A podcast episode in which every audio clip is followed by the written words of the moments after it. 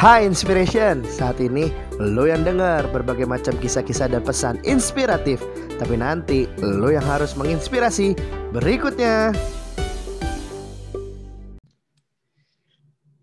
Nah, ketemu lagi bersama dengan gue Alvin Kurniawan dan kali ini kita tetap di podcast inspirasi dan hari ini kita sudah kedatangan tamu lagi yang lain gitu ya karena emang kita akan ngobrol-ngobrol dan hari ini gue kedatangan seorang hamba Tuhan yang sekaligus juga um, bekerja di dunia sekuler. Jadi pembukaan podcast ini untuk membahas tentang profesi-profesi ini dimulai dari uh, ngobrol bareng Pastor Ferry tentang sekuler versus rohani, ya kan?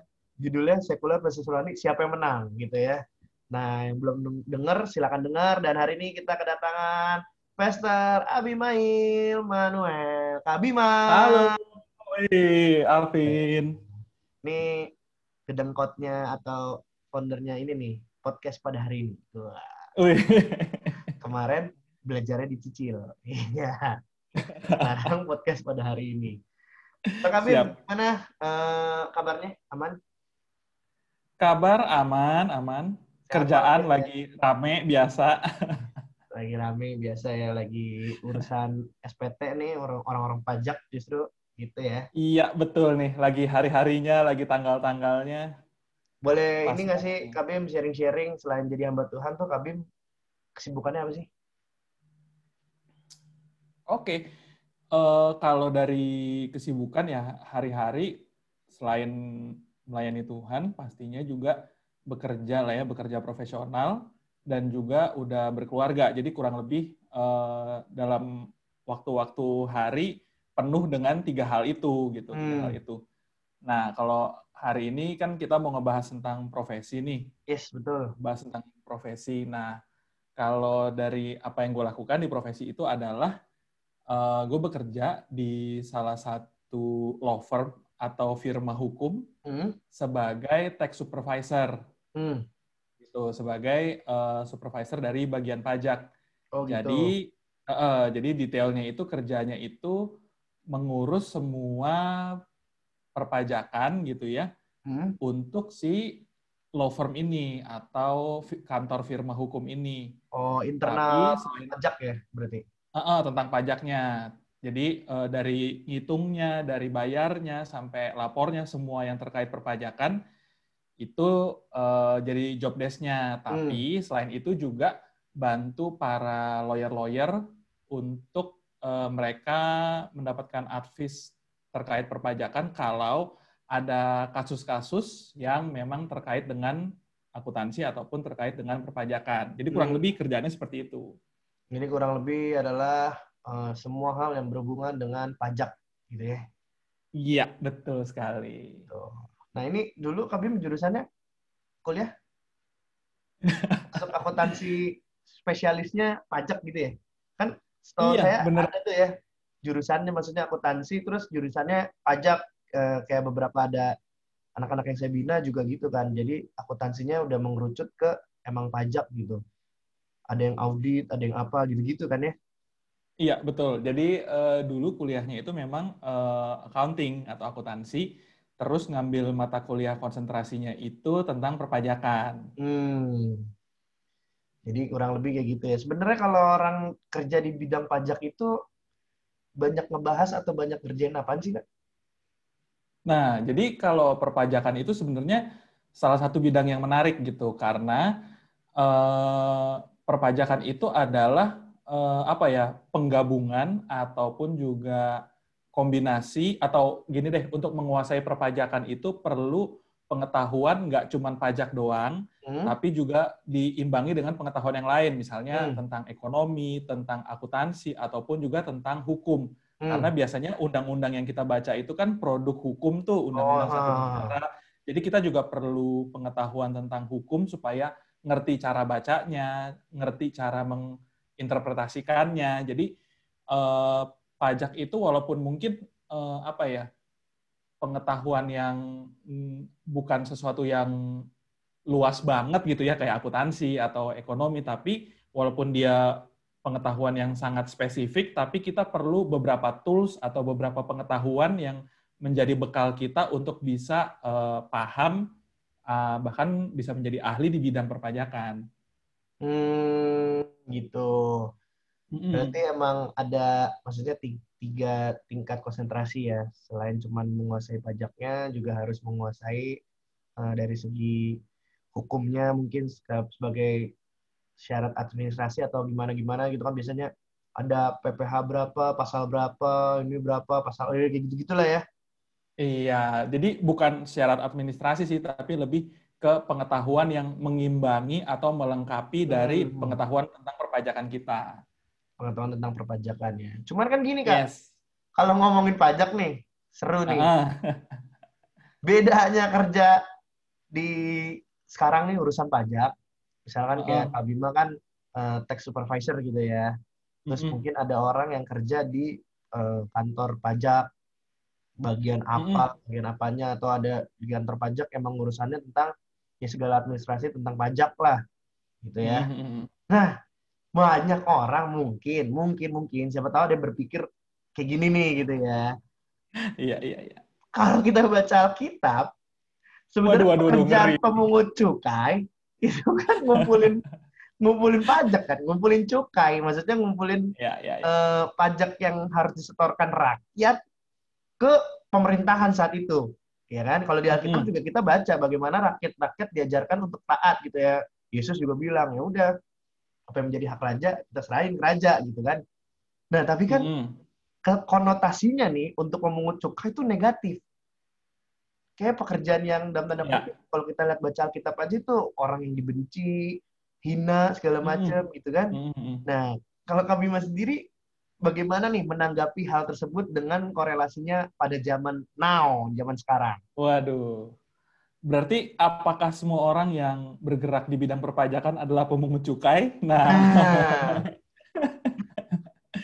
jadi eh, gini ya, Vin, sebenarnya ada yang perlu jadi pemahaman yang perlu kita tahu juga sih. Hmm. Pertama, pemungut cukai di dalam era Alkitab atau yang tertulis dalam Alkitab itu apa? Nah. Gitu kan. Apakah itu sama dengan yang dikerjakan pada hari-hari ini? Nah, ya. kalau kalau buat gue pribadi gitu ya, sepanjang apa yang gue pelajari tentang firman Tuhan ataupun apa yang gue pelajari sepanjang kuliah dan uh, mendalami profesi ini gitu ya, sebenarnya ini ada hal yang beda gitu. Hmm. Bedanya di mana?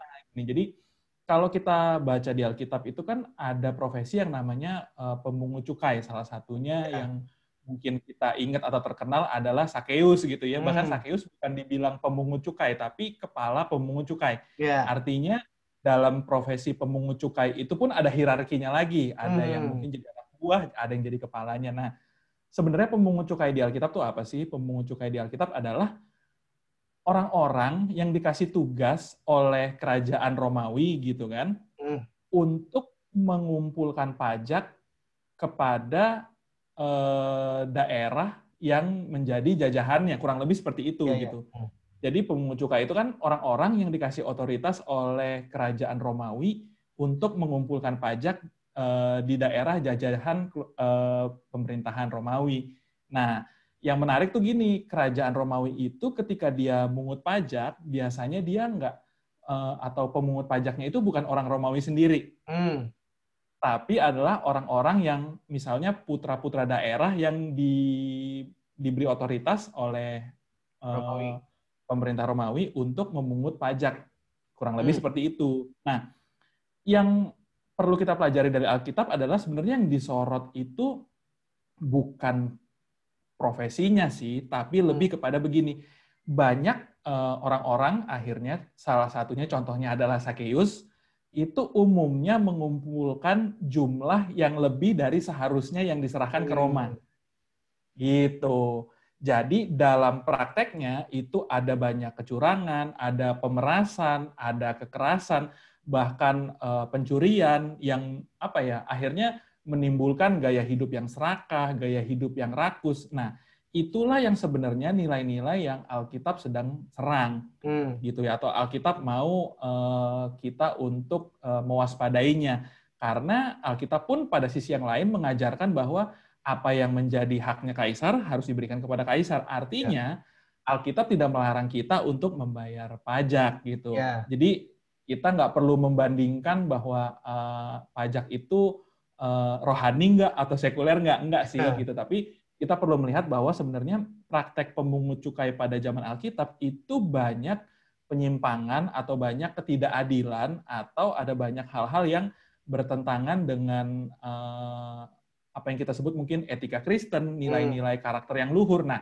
itu yang menjadi poinnya gitu loh. Jadi kalau ditanya apakah uh, orang-orang yang bekerja di bidang pajak itu sama dengan pemungut cukai uh, pada zaman Alkitab, buat gue pribadi jawabannya enggak, jawabannya Yeah. enggak karena itu ada hal yang berbeda. Tapi apa yang perlu digarisbawahi adalah begini, dalam setiap profesi kita akan menemukan orang-orang yang nggak benar, oknum-oknum yang nggak bertanggung jawab.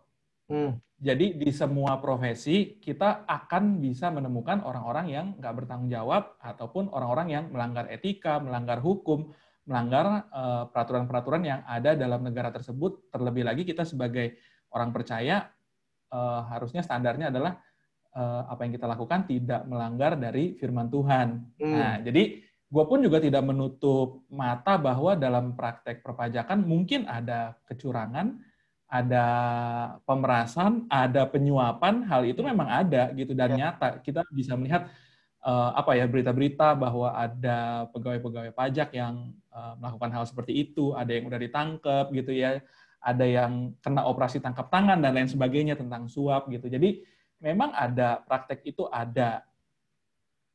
Jadi apa yang sebenarnya harus kita waspadai atau kita garis bawahi adalah sebenarnya bukan profesinya, Hmm. tetapi nilai-nilai yang terbentuk gitu ya atau budaya yang terbentuk ataupun juga sikap-sikap hati kita gitu. Jadi Ya. nggak sekedar cuma eh, apa ya eh, kita menarik jumlah uang yang lebih lebih besar atau berusaha membayar eh, pajak kepada negara lebih kecil dan lain sebagainya, tapi sebenarnya di balik tindakan-tindakan itu ada value atau nilai-nilai yang bisa jadi kita hidupi gitu loh Hmm.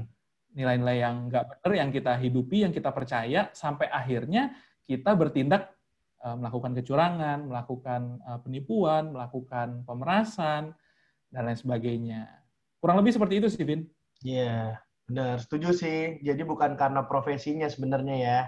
Tapi kalau emang kita mau Ya. lihat kejadian saat itu, mereka dibenci bukan karena mungutin cukainya, tapi banyak praktek kecurangan, plus mereka seolah-olah membela bangsa Romawi, padahal mereka adalah orang Yahudi gitu ya. Kok jadi kayak Iya, menjadi betul. sama Yahudi dan lain-lain ya. Jadi buat teman-teman nih, ya? iya yang itu yang jadi luka gitu kan buat hati-hati eh, orang Israel gitu kan bahwa waktu dia melihat apa ya cukai itu atau pajak itu diminta oleh saudaranya sendiri, Betul. oleh dirinya sendiri. Dan mungkin diperlakukan dengan tidak baik. Itu yang membuat luka dan dari pandangan eh, orang-orang Farisi dan lain sebagainya memandang bahwa eh, pemungut cukai adalah antek-antek dari ya, eh, ini ya dari penjajah bahwa Dari- antek-antek dari kekafiran dan lain sebagainya. Kurang lebih seperti itu. Iya, jadi buat teman-teman yang mungkin selama ini bergumul nih kak, siapa tahu ada gitu ya. Ntar kalau Iya. gue kerja di urusan pajak, apakah gue langsung jadi kayak pemungut cukai di Alkitab gitu? Ternyata yang menjadi masalah bukan eh, profesinya, tetapi Iya, sebenarnya adalah bagaimana cara kita mengerjakan suatu pekerjaan juga gitu ya. Jadi betul sekali. Oke, ya pajak adalah hal yang normal sih, hampir semua negara kayaknya. Kalau nggak tahu saya saya saya nggak tahu sih ya. Tahu kalau Kak Bima mungkin pelajari gitu ya. Kayaknya semua menerapkan pajak sih ya. Ada nggak sih Iya. negara yang nggak ada pajaknya? Nggak ada kayaknya kayak. eh gini, semua negara itu pasti ada pajaknya. Hmm. Tapi ada negara-negara yang pajaknya itu sangat rendah atau eh, ya benar-benar minim. Hmm, Bisa sampai nol gitu. Tapi pajaknya tetap ada, tapi ya zero gitu loh. ya gitu. Nah, tadi ada hal yang menarik tuh ketika Kak Bima menyinggung bahwa setiap profesi pasti ada dalam tanda kutip godaannya lah ya. Kayak Yes. atau kecurangan dan sebagainya. Nah, kita kan nggak bisa pungkiri nih, kalau di Indonesia ya, ya, ya kita taruhlah nggak bisa pukul rata ngomong ini semua, tapi udah jadi rahasia umum kan bahwa pajak-pajak ini tuh Mhm. sering kayak jadi ladang bermasalah gitu loh di Indonesia. Makanya kadang eh, pemerintahan gencar pajak, tapi rakyatnya nggak taat misalkan. Contoh kalau rakyatnya udah mulai taat, duitnya dikorupsi.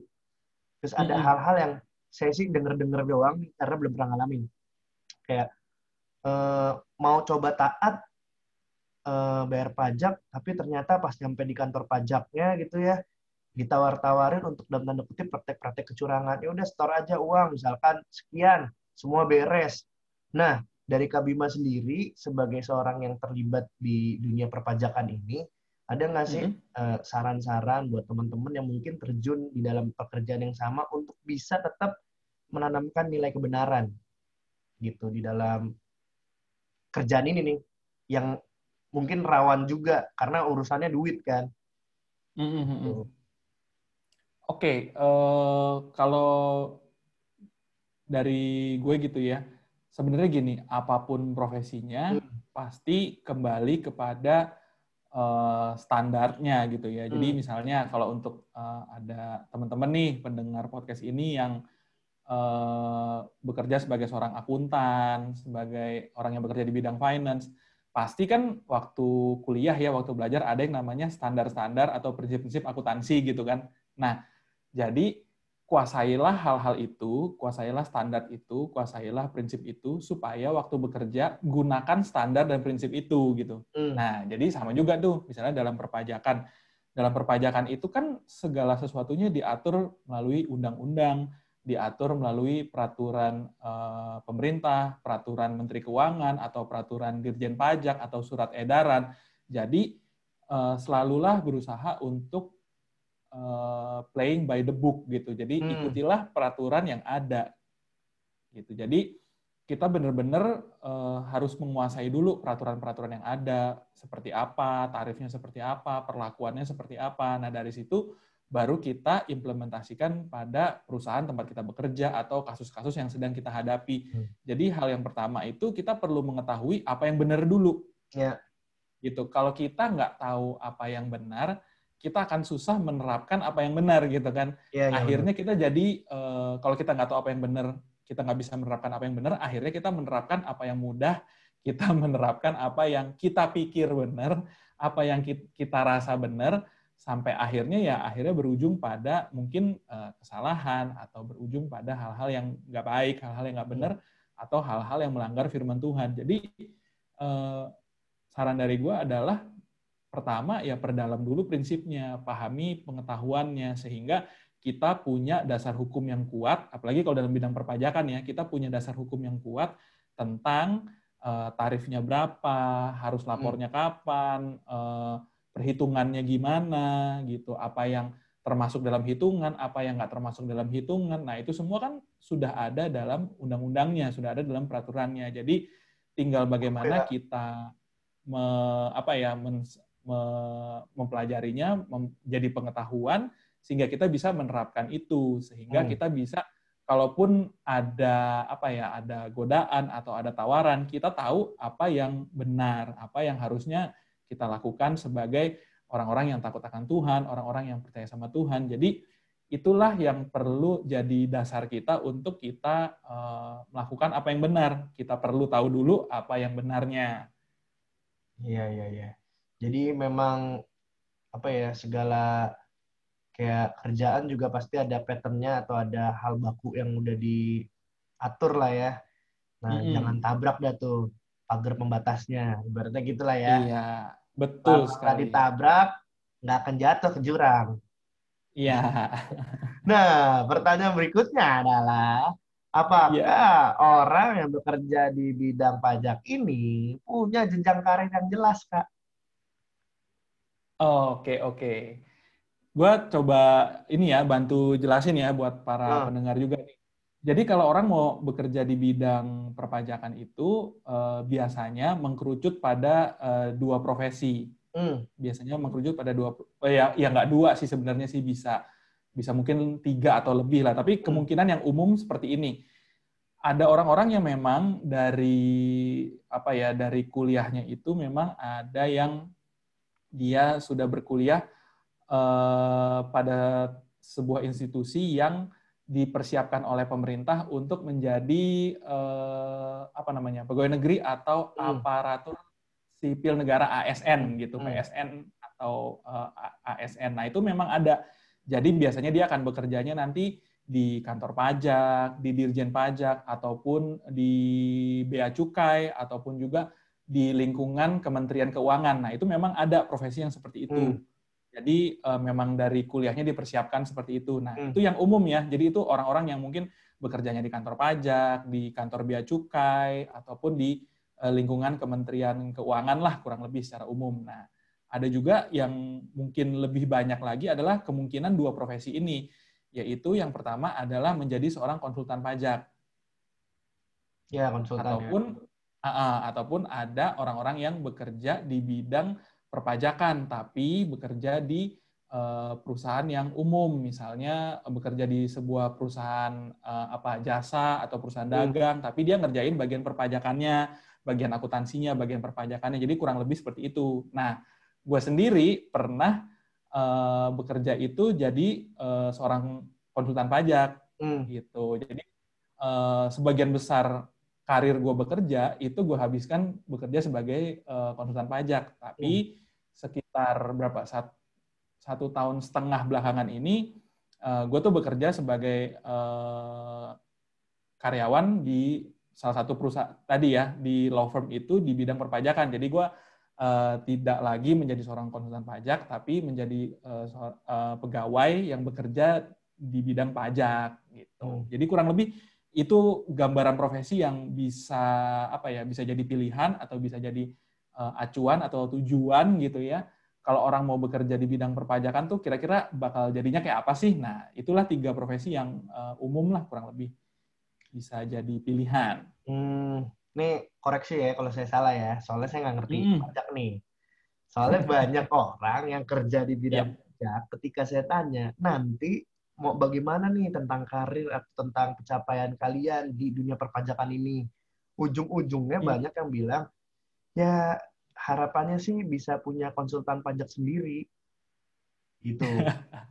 nah itu banyak banget. Emang kenapa sih kak? Ya. Pada pengen punya konsultan pajak sendiri tuh kenapa emang? Nah, jadi kalau misalnya uh, Alvin nanya itu, sebenarnya Vin, gue juga salah satu orang yang seperti itu. Oh gitu ya? Itu emang umum, ya? emang umum di dunia orang pajak apa gimana sih kak? Uh, ya sebenarnya nggak nggak nggak umum juga sih. Gue kenal juga orang-orang yang uh, setelah bekerja di konsultan pajak mm, memutuskan untuk tidak lagi berkarir di konsultan pajak. Ada juga, tetapi mungkin memang ada orang-orang yang memiliki apa ya, memiliki passion, orang-orang yang memiliki uh, apa ya uh, kerinduan, keinginan, mimpi, cita-cita yang uh, seperti itu gitu. Bahwa memang uh, mungkin salah satu yang bisa dibilang apa ya ibaratnya yang wah dari uh, profesi dari profesi di bidang perpajakan ya ya salah satunya adalah menjadi seorang konsultan pajak dan seorang yang meniti karir dari nol di konsultan menjadi seorang konsultan pajak, ya pasti ujung-ujungnya adalah pengen punya kantor konsultan pajak sendiri. Hmm. Karena itu kan sama aja kayak gini. Misalnya uh, gue mulai sebagai apa nih seorang reseller, seorang hmm. pedagang hmm. gitu ya. Hmm. ya. Uh, gitu kan. Pasti kan gue mimpi punya toko sendiri, punya yeah, yeah, yeah. perusahaan sendiri, perusahaan dagang sendiri. Jadi kurang lebih uh, logika berpikirnya seperti itu sih, Vin. Jadi hmm. uh, mungkin uh, ada orang-orang yang berkarir sebagai staff dulu, terus akhirnya menjadi senior staff, jadi supervisor, manager dan sebagainya, sampai satu titik, eh kayaknya enak nih pengen punya buka usaha sendiri. Nah, kurang lebih logikanya seperti itu. Oh. Cuman mungkin aplikasinya adalah uh, ini murni di bidang perpajakan gitu. Hmm. Cuman bukannya untuk menjadi apa buka pajak sendiri itu mesti ada kayak tes khusus atau lulusan khusus gitu kak? Maksudnya kayak ada ambil apa dulu baru bisa untuk nanti kayak buka konsultan pajak sendiri gitu. Iya, betul. Jadi kalau untuk uh, buka kantor konsultan itu kita perlu yang namanya ujian sertifikasi dulu. Hmm. Nah, jadi kalau di Indonesia itu tingkatannya ada, tiga, ada tingkat A, tingkat B, tingkat C. Itu dengan uh, kualifikasinya. Mungkin gue nggak bahas ya, itu teknis banget. Yeah, yeah. Tapi kurang lebih uh, seperti itu sih. Jadi kita perlu ujian dulu. Kenapa negara perlu uji kasih kita ujian? Gitu ya di, di apa di pendahuluan itu ada ujiannya karena memang hmm. uh, kantor konsultan pajak ini kan pasti uh, tujuannya adalah membantu orang-orang yang nggak ngerti pajak supaya bisa melakukan perpajakannya dengan benar. Makanya negara itu perlu memberi apa ya memberi standar uh, ujian uh, standar uh, bahwa memang orang-orang tersebut yang telah lulus itu dianggap memiliki skill yang cukup, skill yang mumpuni dalam tingkatan-tingkatan tertentu untuk bisa melaksanakan kewajiban pajaknya, membantu orang lain untuk membantu orang lain itu bisa bisa orang pribadi ataupun bisa juga perusahaan-perusahaan ya hmm. untuk bisa melakukan perpajakannya. Jadi memang ada standarnya. Ini contohnya tuh sama kayak gini, Vin. Kalau misalnya kita ngelihat uh, plang praktek dokter gitu kan pasti kan hmm. kan ada izin prakteknya hmm. gitu. Ya, ya, ya. Nah, kurang lebih seperti itu.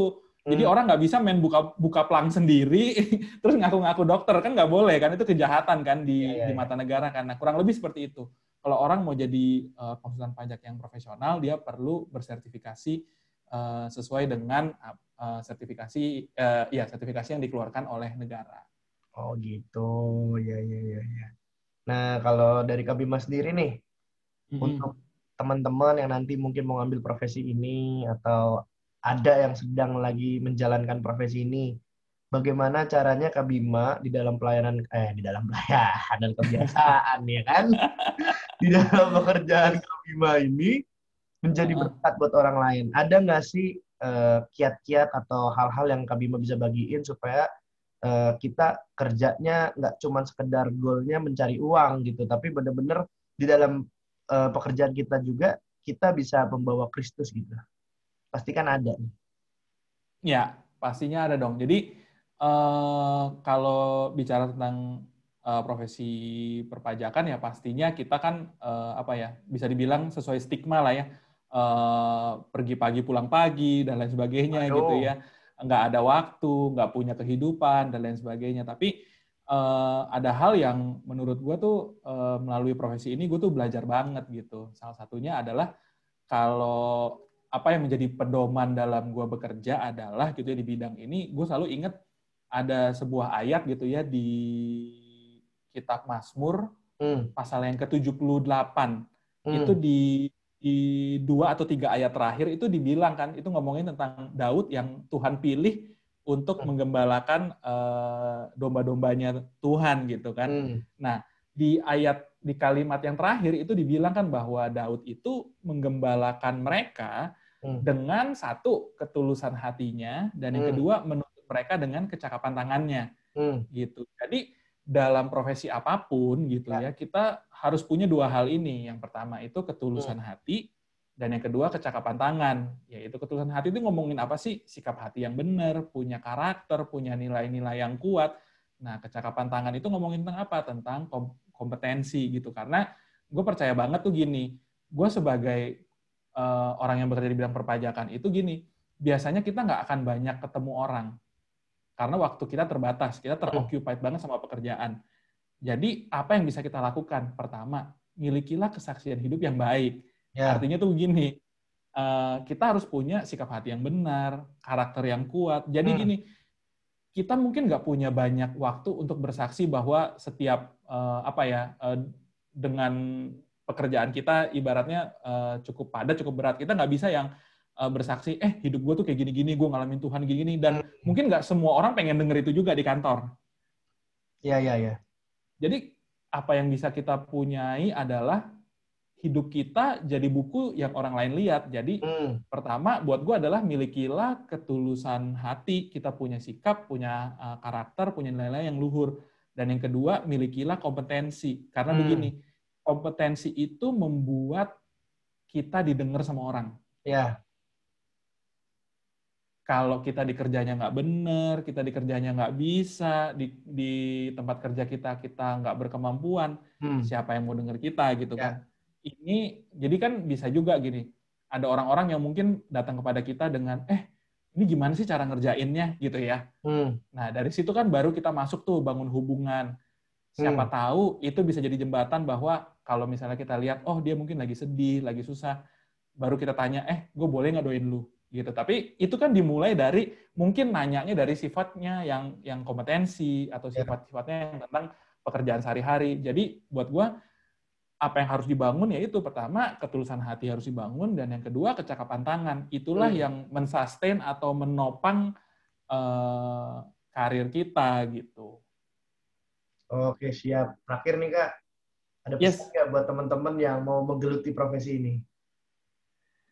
Oke, okay, kalau pesan untuk teman-teman yang mau menggeluti profesi ini, uh, buat gue adalah begini, profesi apa pun, pastikan begini, temukan bahwa kita dipanggil di dalamnya. Hmm. Jangan lihat profesi ini sebagai profesi yang menghasilkan banyak uang, atau profesi ini profesi yang uh, punya prestis yang tinggi, tapi gini, pastikan kamu dipanggil di dalamnya. Hmm. Karena buat apa kamu kerjakan profesi ini kalau kamu tidak dipanggil di dalamnya? Jangan yeah. jadi orang yang sukses untuk hal yang salah. Jadi pertama, pastikan dulu bahwa kita memang dipanggil di dalamnya. Dan yang kedua, bangunlah ketulusan hati, bangunlah kecakapan tangan, supaya kita bisa mengerjakan, memberi yang terbaik buat klien kita, memberikan terbaik buat perusahaan, terutama memberi yang terbaik buat Tuhan. Amin, amin. Amin. Luar biasa nih, mudah-mudahan teman tercerahkan nih kak. Karena podcast inspirasi kali ini lagi ngebahas tentang profesi-profesi nih. Siap. Ini uh, sudah tayang juga profesi sebagai seorang pendeta gitu kan. Ya. Oh, ada tuh dibahas gitu kan. Judulnya adalah uh, apa ya? Lupa lagi. Uh, jangan jadi pendeta susah. Uh. Widih. Yang kedua ada pengabdian mulia seorang guru. Waduh. Waduh. Jadi kita bahas mantap, tentang Uh, kehidupan orang yang mau menggeluti profesi guru gitu kan. Wow. Hmm, yang ketiga nih Kak Bima nih saat ini nih yaitu uh, kita bahas tentang pemungut cukai dan kawan-kawan. nah, nanti akan ada banyak pembahasan Kak. Contohnya yep. kayak ada kita bicara tentang uh, profesi jadi marketing komunikasi, mungkin markom gitu kan. Yes, yes. Country manager, uh, perjalanan yeah. karir segala macam gitu ya. Karena pendengar podcast inspirasi ini anak-anak uh, millennials gitu, generasi Z, millennials. Widih. Maaf ini yang om-om gitu. Meskipun ada loh 4% pendengar podcast inspirasi yang umurnya 40 tahun ke atas. Luar biasa. Uh, mantap, mantap. Tapi ya kayak gitulah ya, kurang lebih profesinya sebagai seorang hmm, yang bekerja atau berkecimpung di dunia perpajakan gitu ya. Jadi yes. uh, kerja di bagian pajak nggak dosa. yeah. kerja di bagian pajak nggak terhina gitu ya. Yes. Dan kerja di bagian pajak juga tidak melanggar firman Tuhan, gitu ya. Yes. Kecuali yaitu kalau kerjanya dengan tidak benar, tidak jujur, tidak sesuai dengan apa yang sudah ditetapkan, gitu. Ya. Thank you banget Kak Bima buat hari yes. ini udah mau datang nih sih ke sama-sama, sama-sama. Ya, podcast inspirasi. Lupa dengerin podcast pada hari ini ya udah 30-an episode kali udah. Udah, udah banyak lah pokoknya puluhan udah. episode ya. Udah tayang, silakan dengerin satu-satu. Dan thank you banget buat Kak Bima yang sudah menyediakan tempat gitu ya, udah menyediakan waktu, menyediakan tenaga, pikiran untuk berbagi buat inspiration people semuanya. Iya. Widih. Mantap, Bima. mantap. Yuk. guys buat semua yang sudah mendengarkan pada hari ini. Ya, God bless. Oh.